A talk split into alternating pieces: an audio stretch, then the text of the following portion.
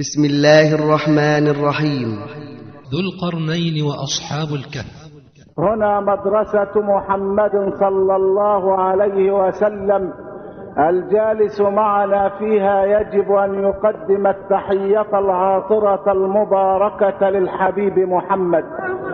وتحيتنا إليك يا سيدي يا أبا القاسم يا رسول الله هي الصلاة والسلام عليك اللهم صل وسلم وبارك على سيدنا محمد معاشر الإخوة الأعزاء كل من كتب عليه أن يوجد على ظهر هذه الدنيا فلا بد أن يمر بخمس مراحل. مرحلة الروح ومرحلة الأرحام ومرحلة الدنيا ومرحلة القبر ومرحلة القيامة. يسألونك عن الروح قل الروح من أمر ربي وما أوتيتم من العلم إلا قليلا وكانت هذه الآية الكريمة دليلا من دلائل نبوة الحبيب المصطفى. الآية دي دليل على أن هذا النبي حق وصدق. أي ويسألونك عن الروح. كانت من أدلة نبوة سيدنا محمد. المشركين لما احتاروا في أمر النبي أرسل رجلين إلى يهود المدينة. واحد اسمه عقبة ابن أبي معيط. وواحد اسمه النضر بن الحارث وكلا الرجلين من ألد أعداء سيد المرسلين. والمشركين اختاروا الاثنين دول بالذات عشان خاطر ما يغشوش المسألة. التقرير اللي يرفعوه لأهل مكة يكون تقرير سليم مية المية. قالوا لهم روحوا لليهود اسألوهم محمد نبي فعلا؟ ولا مش نبي؟ سمعنا الصلاة عليه كده. عليه الصلاة والسلام. راحوا لليهود. مشوا من مكة للمدينة لغاية ما اتصلوا باليهود. يا يهود محمد نبي ولا لا؟ قالوا له اسألوه ثلاث أسئلة. قالوا للاثنين دول السفيرين المبعوثين من أهل مكة إلى يهود المدينة يسألون عن صدق نبوة الحبيب المصطفى. قالوا لهم اسألوا محمد ثلاثة أسئلة. سن واحد. ما قصته سن اثنين. أخبرنا عن رجل طاف الأرض مشرقا ومغربا. سن ثلاثة. أخبرنا عن الروح. فإن أجابكم على الأسئلة الثلاثة فاعلموا أنه كاذب. وإن أجابكم عن سؤالين وفوض علم الثالث إلى الله فاعلموا أنه نبي الله حقا وصدقا. وحد الله يا أخويا كده قول لا إله إلا الله. الله. رب يحكي في الآية اليهود ما هم قاريين عن النبي وعارفين إنه نبي. وعبد الله بن سلام ما كان من كبار اليهود وكان عالم. بيقول أول ما دخل النبي المدينة نظرت في وجهه فقلت أشهد أن لا إله إلا الله. والله ما هذا الوجه بوجه كذاب النبي يا سيدنا الشيخ ده كل حاجة باينة. الصادق بيبقى الصدق باين في عينيه. إن الصب تبقى حركاته باينة حتى ولو ادعى أنه أقرب الناس إلى العبادة. بيبقى باين. الكذاب بيبقى الكذب باين في عينيه ولذلك ربنا قال في الصالحين سيماهم في وجوههم من أثر السجود. وقال في المجرمين يعرف المجرمون بسيماهم. لا إله إلا الله. هي في حاجة مدارية كل شيء بيبان. ربنا قال ولا تعرفنهم في لحن القول. ومهما تبطن تظهره الأيام ومهما تخفي فإنه لا يخفى على الواحد الديان. وشوفوا الاثنين اللي راحوا للإمام ابن سيرين. واحد دخل عليه قال له يا إمام أنا عندي رؤيا عايز أفسرها. قال له قول يا ابن خير. قال له أنا شفت في المنام الليلة أنني أؤذن. قال له هتحج بيت الله الحرام. واحد دخل تاني عمال يهز في ايديه ورجليه وعايز يعمل الولد بقى ملك كريم نازل من السماء. قال له يا سيدي الشيخ قال له نعم. قال له أنا شفت إن أنا بدن. قال له أنت حرامي. الناس اللي قاعدين يستغربوا طب ما هو ده بيدن وده بيدن. يعني هو ده بيدن سلطاني وده بيدن غرباوي. ما هو كله أداء. اشمعنى ده؟ هيحج وده طلع حرامي. دي ليه طلع هيحج بيت الله وده طلع كليف تتسلم عليه وتعد صوابعك؟ ليه؟ فالإمام ابن سيرين قال نظرت في وجه الأول فوجدت سيم الصالحين في وجهه. فتذكرت قول الله تعالى وأذن في الناس بالحج يأتوك رجالا وعلى كل ضامر ياتين من كل فج عميق. وأما الآخر فنظرت في وجهه فرأيت فيه أمارات المعصية. فتذكرت قول الله تعالى ثم أذن مؤذن أيتها العير إنكم لسارقون. اللي يحب النبي سمعني الصلاة عليه.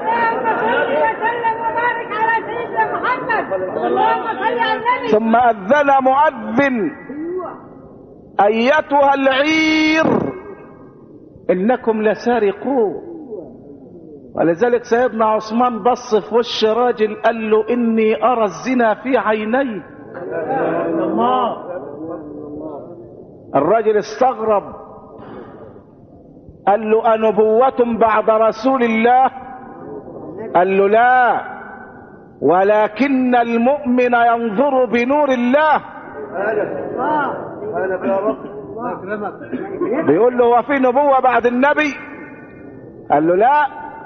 ولكن المؤمن ينظر بنور الله.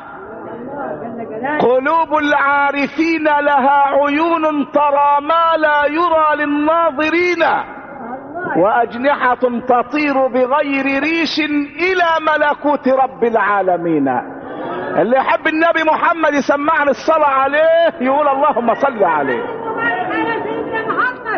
اللهم صل على النبي. طيب. اليهود قالوا لهم اسألوا محمد ثلاث أسئلة. ناس لهم قصة في ماضي الزمن. وراجل طاف الأرض مشرقا ومغربا والروح ما هي الروح؟ إن جاوب على الثلاث أسئلة يبقى راجل بيألف كلام. إن جاوب على اثنين وقال في الثالث الله أعلم يبقى نبي.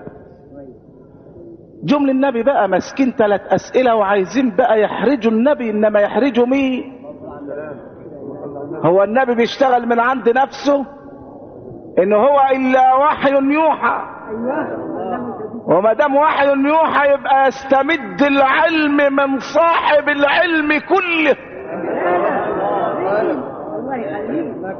ما دام المسائل ماشية بالوحي.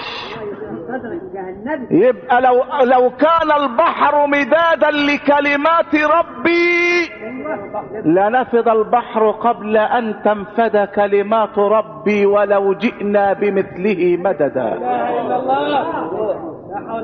عرضوا الأسئلة على سيدنا المصطفى. على سيدنا محمد أهل مكة اجتمعوا بقى عند النبي وماسكين ثلاث أسئلة وبالهم إنهم هيدخلوا النبي في معادلة صعبة. في امتحان قاسي.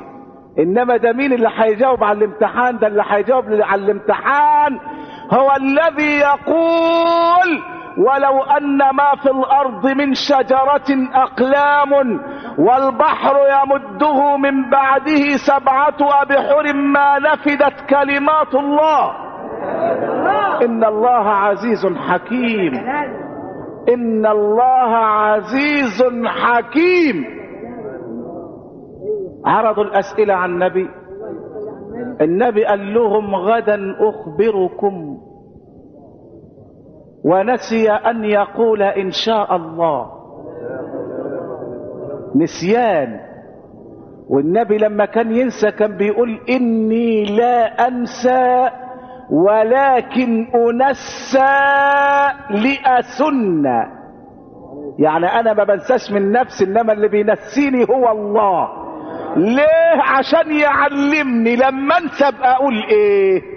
سمعني الصلاة عليه. اللهم صل على محمد اللهم صل على النبي. اني لا انسى ولكن انسى. اني لا انسى ولكن انسى لأسن أي لأشرع للعباد ماذا يفعلون إذا نسوا. انقطع الوحي 15 يوم. المشركين واخدينها فرصة كل يوم رايحين جايين. أمال الإجابة فين يا محمد؟ قال ده عشان يثبت لك إن محمد ما بيشتغلش من نفسه ده بيشتغل بأمر من الله. لو كان بيشتغل من نفسه ما كانش قعد 15 يوم. رايحين جايين على بابه لأن لسه الإرادة العليا ما أذنتش بهذا. لما يأذن الله. وبعد ال 15 يوم نزل الأمين جبريل على حبيب الله. فقال له سيدنا محمد صلى الله عليه وسلم يا أخي يا جبريل لقد غبت عني حتى اشتقت إليك. فقال له الأمين جبريل يا رسول الله لقد كنت أشد شوقا منك إليك. لا إله إلا الله. سبحانه وتعالى. أنت غبت عني يا جبريل لغاية ما اشتقت إليك. والخمستاشر يوم دول بيردوا على الملاحدة. على المستشرقين على كل المبشرين على الكافرين. اللي بيقولوا إن حالة الوحي كانت صرع ده اللي بيصاب بالصرع بيريل من بقه وبيتبول على نفسه وبتبقى حالته صعبة قوي وبيبقى مش عايز يشوف الحالة دي تاني. إنما ده النبي بيقول له أنت غبت عني لغاية ما اشتقت إليك يبقى لو كان صرع يبقى مش عايز أشوفه خالص. انت نازل تعمل لي إيه؟ انت بتبهدلني بتخليني اقطع لساني بسناني. انما ده وحي من الله رحمة ونور. فبيقول له لقد غبت عني حتى اشتقت إليك.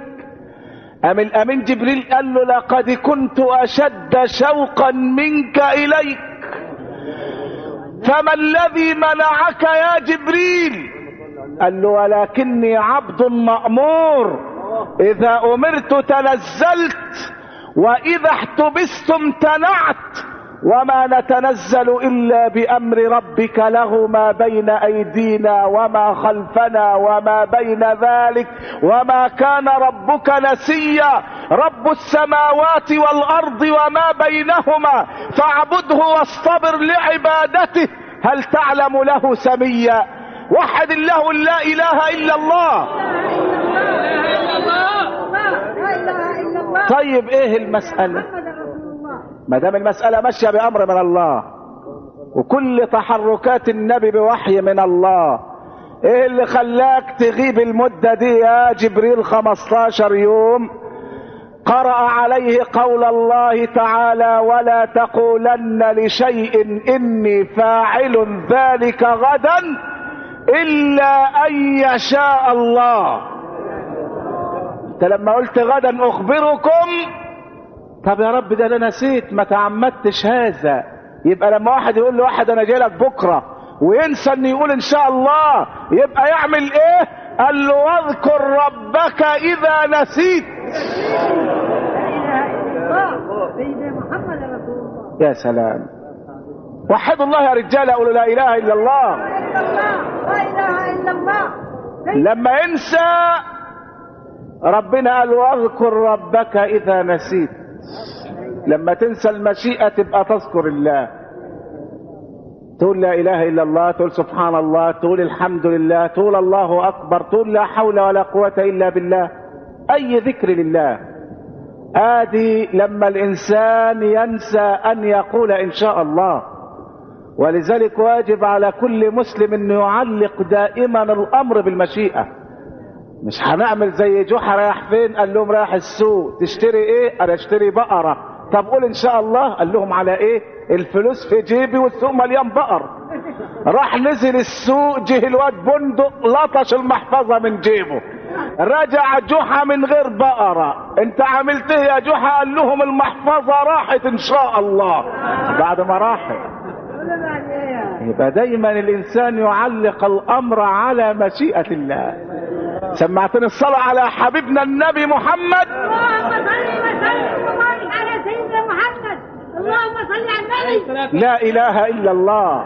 الأمر كله بيد الله والمشيئة لله والنهي لله والغيب لله والعلم لله والتوكل على الله ولا دائم إلا الله ولا باقي إلا الله. نزلت الإجابة على السؤال الأول. ما تقول في فتية ذهبوا في الزمان الماضي؟ ما شأنهم؟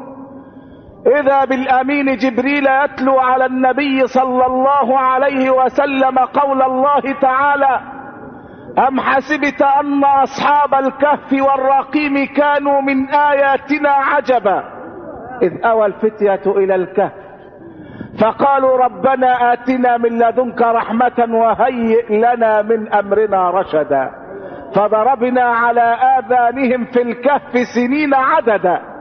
نزلت القصة كاملة من الله وربنا لما بيقصها بيقول قل للعالم أجمع نحن نقص عليك نبأهم بالحق. هذا السؤال الأولاني عن أهل الكهف. ولذلك الصورة ديت لها فضل عظيم من تلاها يوم الجمعة. اللي يمسك المصحف ويقرأها يوم الجمعة أو يقرأها غيبا يوم الجمعة فإن الله يعطيه نورا من مكان قراءتها إلى البيت الحرام. نور. نور. من المكان اللي بيقراه فيها لغاية بيت الله. أنا شركة نور تقدر تودي هذه الفلطات أو هذه القوة. فيش من هنا البيت الله الحرام. وقيل من قرأ منها عشر آيات يوم الجمعة أعطاه الله نورا من موضع قدميه إلى السماء. تيسير من ربنا. يبقى ما تنساش كده يوم الجمعة تمسك المصحف وتقرأ الصورة دي. إذا كنت حافظها أقرأها غيبا. ما أنتش حافظها امسك المصحف واقراها. فإن لها فضلا عظيما. ومن قرأ منها بعض آيات وقاه الله شر النفاق. سورة الكهف. نحن نقص عليك نبأهم بالحق. إنهم فتية آمنوا بربهم وزدناهم هدى. قوة الإيمان. وزدناهم هدى. ما دام هم بدأوا بالإيمان نبقى إحنا نزيدهم هداية.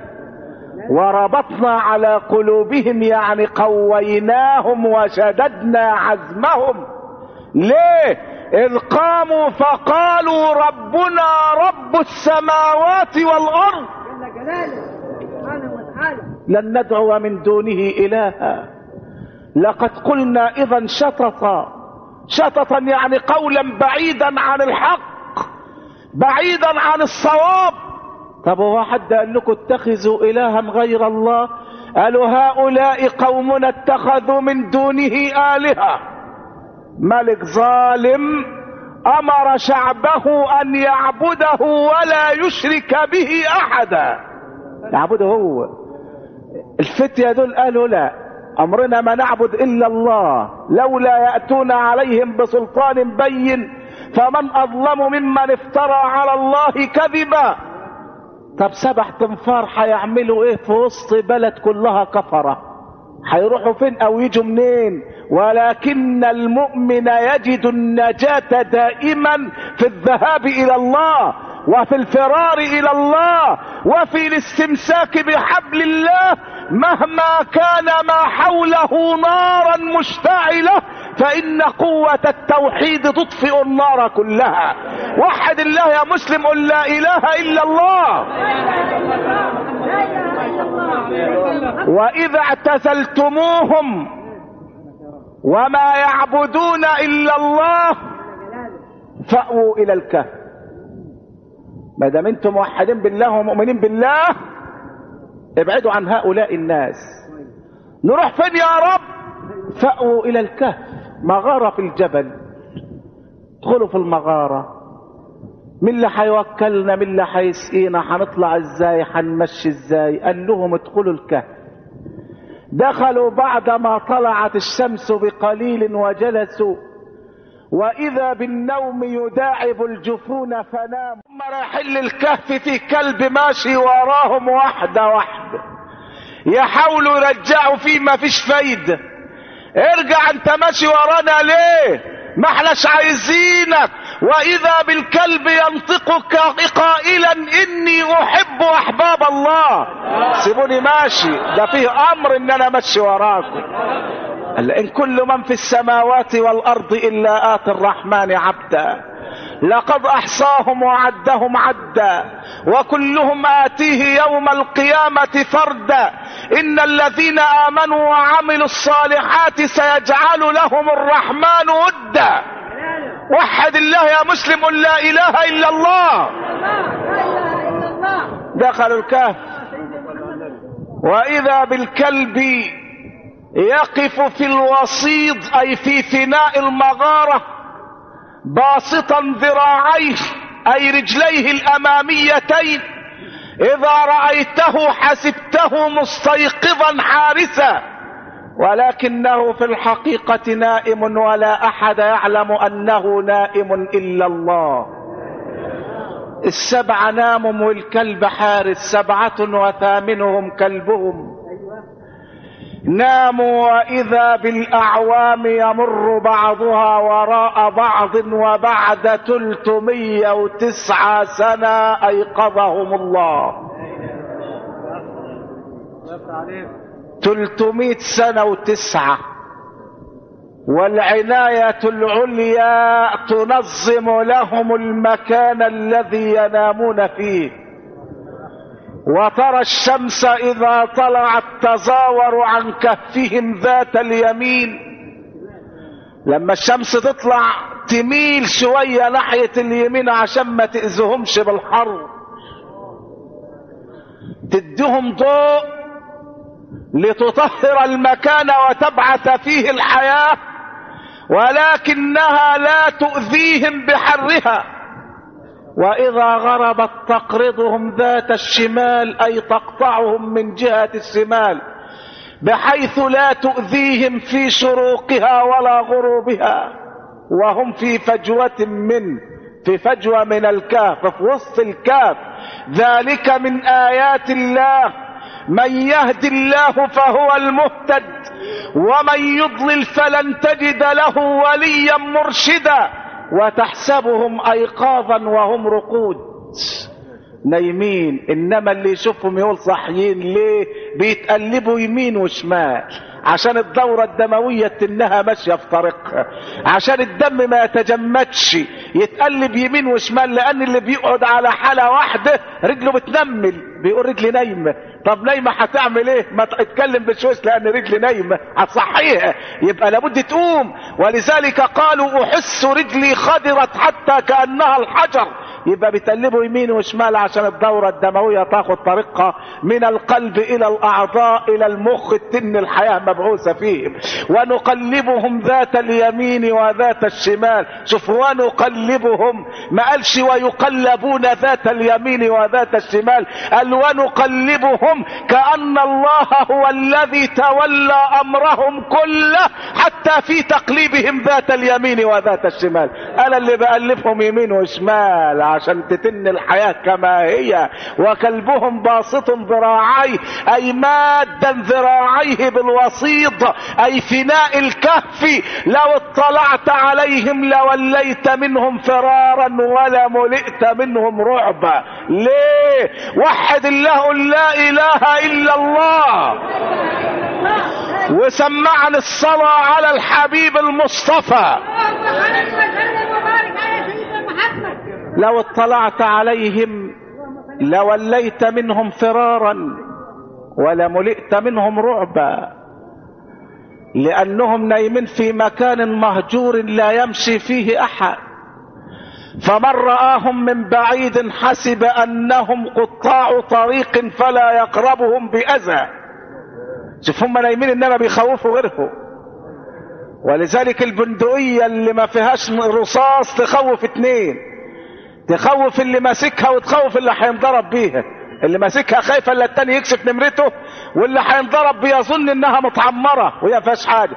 إنما البندقية المتعمرة تخوف واحد بس اللي هينضرب بيها إنما اللي ماسكها مطمئن. فدول نايمين ومع ذلك بيخوفوا الرايح والجاي. حراسة إلهية وتنظيم إلهي لا يعلمه إلا الله.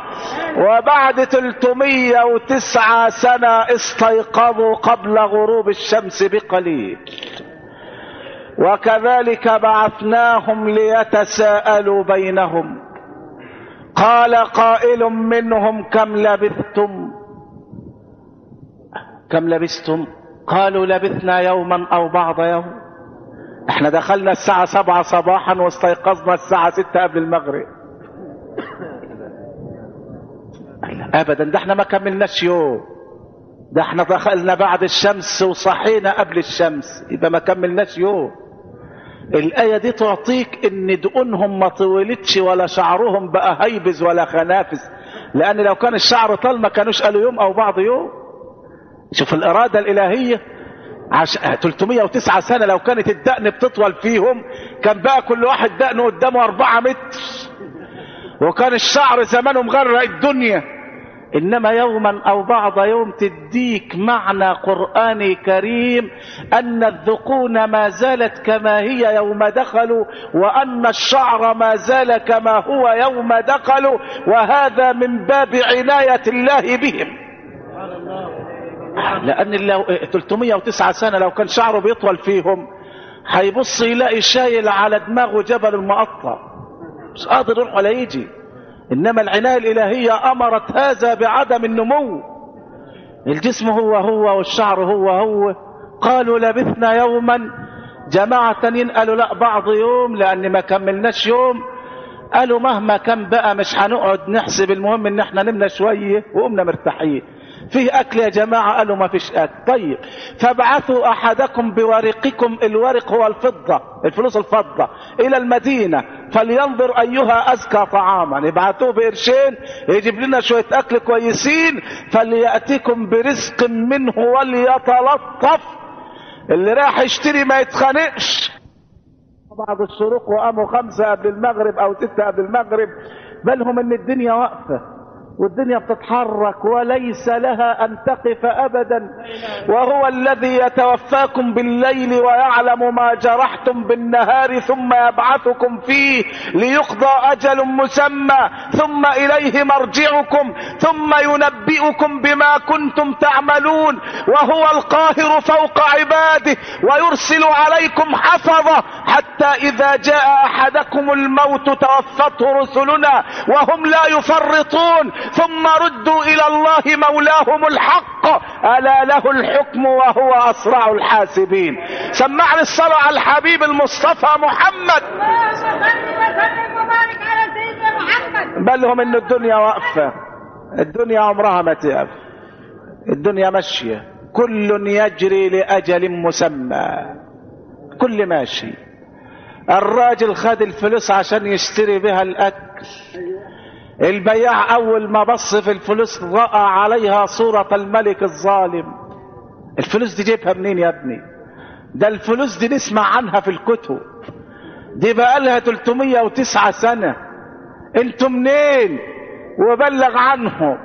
وكان يوم أن استيقظوا كان هناك حاكم صالح موحد بالله فلما أخبر بخبرهم خيرهم أن يختاروا ما يشاءون فقالوا له بل نختار أن نلقى الله وهو راض عنا. وسألوا الله أن يقبضهم إليه فماتوا موحدين. ليبعثوا يوم القيامة موحدين. طب يا رب إيه الحكمة من هذه القصة؟ قال لك وكذلك أعثرنا عليهم ليعلموا أن وعد الله حق وأن الساعة لا ريب فيها. يعني أهل الكهف كانوا دليلا من الأدلة القاطعة على أن البعث حق. إن الذي قدر أن ينيمهم ثلاثمائة وتسعة قادر على أن يحيي الموتى يوم القيامة. فده دليل من أدلة البعث. وبعد كده قال لي سيدنا النبي صلى الله عليه وسلم ولا تقولن لشيء إني فاعل ذلك غدا إلا أن يشاء الله. هذه الإجابة على السؤال الأول. الإجابة على السؤال الثاني ما تقول في ملك طاف الأرض مشرقا ومغربا. نزلت الآية ويسألونك عن ذي القرنين قل سأتلو عليكم منه ذكرا. ملك موحد بالله سمي ذا القرنين لأنه ملك ما بين قرني الشمس ملك بلاد المشرق والمغرب وآتاه الله من كل شيء سببا. فأتبع سببا اتبع الأسباب وصار في الأرض وبلغ مغرب الشمس وبلغ مشرق الشمس بلغ بلاد المغرب وبلاد المشرق ووصل حتى بين السدين وأنقذ قوما ضعفاء من قوم مفسدين يسمون يأجوج ومأجوج. اللي يحب النبي سمعنا الصلاة عليه. قالوا يا ذا القرنين إن يأجوج ومأجوج مفسدون في الأرض. يأجوج ومأجوج دول قبيلتين أو جماعتين من الجماعات المفسدة اللي هم لا يعرفون العدل في الأرض وإنما يعرفون شريعة الغاب. القوي يأكل الضعيف القوي ينهب الضعيف. أم الضعفاء قالوا له يا ذا القرنين إن يأجوج ومأجوج مفسدون في الأرض فهل نجعل لك خرجا؟ ندي لك مبلغ من المال على أن تجعل بيننا وبينهم سدا. تسدنا بين السدين اللي هم الجبلين. تعمل لنا سد بين الجبلين عشان ما يقدروش يعدن تحصن الحدود. تعمل لنا خط محصن ومتين. نديك قرشين قال لهم ما مكني فيه ربي خير. أنا مش عايز فلوس أنا بشتغل لله. العمل اللي أنا بعمله بعمله لله. وحد الله لا إله إلا الله. وسمعني الصلاة على الحبيب النبي. اللهم صل وسلم وبارك على سيدنا محمد. دايما الناس المصلحين لا يرضون بالإصلاح بديلا. هل نجعل لك خرجا أو خراجا؟ مبلغا من المال ومقدارا من الذهب والفضة. على أن تجعل بيننا وبينهم سدا. قال لهم ما مكني فيه ربي خير. نفس موقف نبي الله سليمان. نفس سليمان قال هذا المكان. بالقيس قالت وإني مرسلة إليهم بهدية فناظرة بما يرجع المرسلون. وبعتت له هدية ملوك هدية فخمة محترمة. أول سليمان ما شاف الفلوس قال لهم أتمدونني بمال؟ فما آتاني الله خير مما آتاكم. بل أنتم بهديتكم تفرحون. أنا حرطشي على كلمة التوحيد. ده أنا بعت لك بقول لك ألا تعلوا علي وأتوني مسلمين. تبعت لي أنت رشوة؟ لا أقبل الرشوة ابدا. برضو ذو القرنين الملك الموحد الصالح. قال لهم ما مكني فيه ربي خير فأعينوني بقوة أجعل بينكم وبينهم ردما. والردم أقوى من السد. الردم عمل هندسي أقوى من بناء السدود. أعينوني بقوة هاتوا أنفار تساعدني. وكان رجلا عالما في بناء السدود قبل أن يعرف العالم بناء السدود. آتوني زبر الحديد أي قطع الحديد. هاتوا قطع حديد. وبعدين حتى إذا ساوى بين الصدفين قال آتوني أفرغ عليه قطرة. يرص الحديد ويصب على الحديد النحاس المذاب القطر هو النحاس المذاب فلما صنع السد بالحديد والنحاس وصهر الحديد بالنار فما استطاعوا أن يظهروه وما استطاعوا له نقبا. وبعدين سمعني الصلاة على النبي محمد. اللهم صل وسلم وبارك على سيدنا محمد. شوف صناعة السدود آتوني زبر الحديد أي قطع الحديد. حتى إذا ساوى بين الصدفين أي بين الجبلين قال انفخوا. حتى إذا جعله نارا قال آتوني أفرغ عليه قطرا. لما الحديد ينصهر يصب هو النحاس يوم يكون معدن سبيك لا يقوى أحد على نقبه فما استطاعوا أن يظهروه وما استطاعوا له نقبا لا قدروا يطلعوا فوقه ولا قدروا يعملوا نقب ويدخلوا من جواه. أظن قال لهم أنا راجل شاطر أنا مهندس بارع أنا عالمي أنا فرافير العجيب لا! قال هذا رحمة من ربي. الفضل كله بيد مين؟ بيد الله. بيد الله. ما قالش أنا ابدا. الرجل الصالح ما يقولش أنا فعلت. إنما يسند الأمر إلى الله. إنما يسند الأمر إلى الله وحده. قال هذا رحمة من ربي. فإذا جاء وعد ربي جعله دكاء وكان وعد ربي حقا. إذا جاء وعد ربي جعله دكاء عندما يأذن الله بهدم هذا السد سيجعله دكاء وسيخرج يأجوج ومأجوج قبل قيام الساعة يعيثون في الأرض فسادا يأكلون أخضرها ويعتدون على أهلها عندما يعجل الله بموت الصالحين ويأخذهم إليه. ولذلك ربنا قال حتى إذا فتحت يأجوج ومأجوج وهم من كل حدب ينسلون أي يسرعون واقترب الوعد الحق. اللي يحب النبي محمد يسمعني الصلاة عليه. اللهم صل وسلم وبارك على سيدنا محمد. اللهم صل على واقترب الوعد الحق. فإذا جاء وعد ربي جعله دكاء وكان وعد ربي حقا.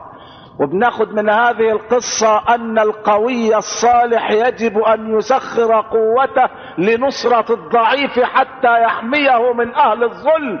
ولذلك قال سيدنا رسول الله صلى الله عليه وسلم من حمى مؤمنا من منافق حمى الله لحمه من النار يوم القيامة. وكان وعد ربي حقا. طيب فاضل السؤال الثالث. هم قالوا لهم إذا جاوب على الأسئلة الثلاثة يبقى راجل بيشتغل من نفسه. إذا جاوب عن اثنين والثالث قال ده بتاع ربنا يبقى نبي. السؤال الثالث ما هي الروح يا محمد؟ نزل الوحي ويسألونك عن الروح قل الروح من أمر ربي. وما أوتيتم من العلم إلا قليلا. ومع ذلك الامتحان سليم والإجابة مية المية بدرجة ممتاز مع مرتبة الشرف الأولى. ومع ذلك يجي الناس اللي سألوا هذا السؤال يروحوا للنبي اللي هو النضر بن الحارس سفير مكة إلى يهود المدينة يقول له يا محمد لو كان هذا هو الحق من عند الله فليمطر علينا حجارة من السماء. شوف القلوب لما بتعمى عن ذكر الله طب قول يا أخي إن كان هذا هو الحق من عندك فاهدنا إليه. إنما يروح يقول له اقطع ذراعي لو كنت نبي. طب ما تقول يا رب لو كان ده حق اهدينا. راحوا قالوا للنبي إن كان هذا هو الحق. من عند الله فليمطر علينا ربك حجارة من السماء. أو يأتنا بعذاب أليم. وإذ قالوا اللهم إن كان هذا هو الحق من عندك فأمطر علينا حجارة من السماء أو ائتنا بعذاب أليم. طب يا رب ما تنزل عليهم العذاب خلوهم يغروا في داهية. قال لك لا ده فيه إكرام لواحد. وما كان الله ليعذبهم وأنت فيهم. أنت يا محمد عشان خاطر عيونك يا محمد. سمعتني الصلاة على حبيب الله؟ أسأل الله أن يرحمنا وينفعنا بشفاعته. ويحشرنا على حوضه ويسقينا من يده الشريفة شربة ماء لا نظمأ بعدها أبدا. أقول قولي هذا وأستغفر الله لي ولكم.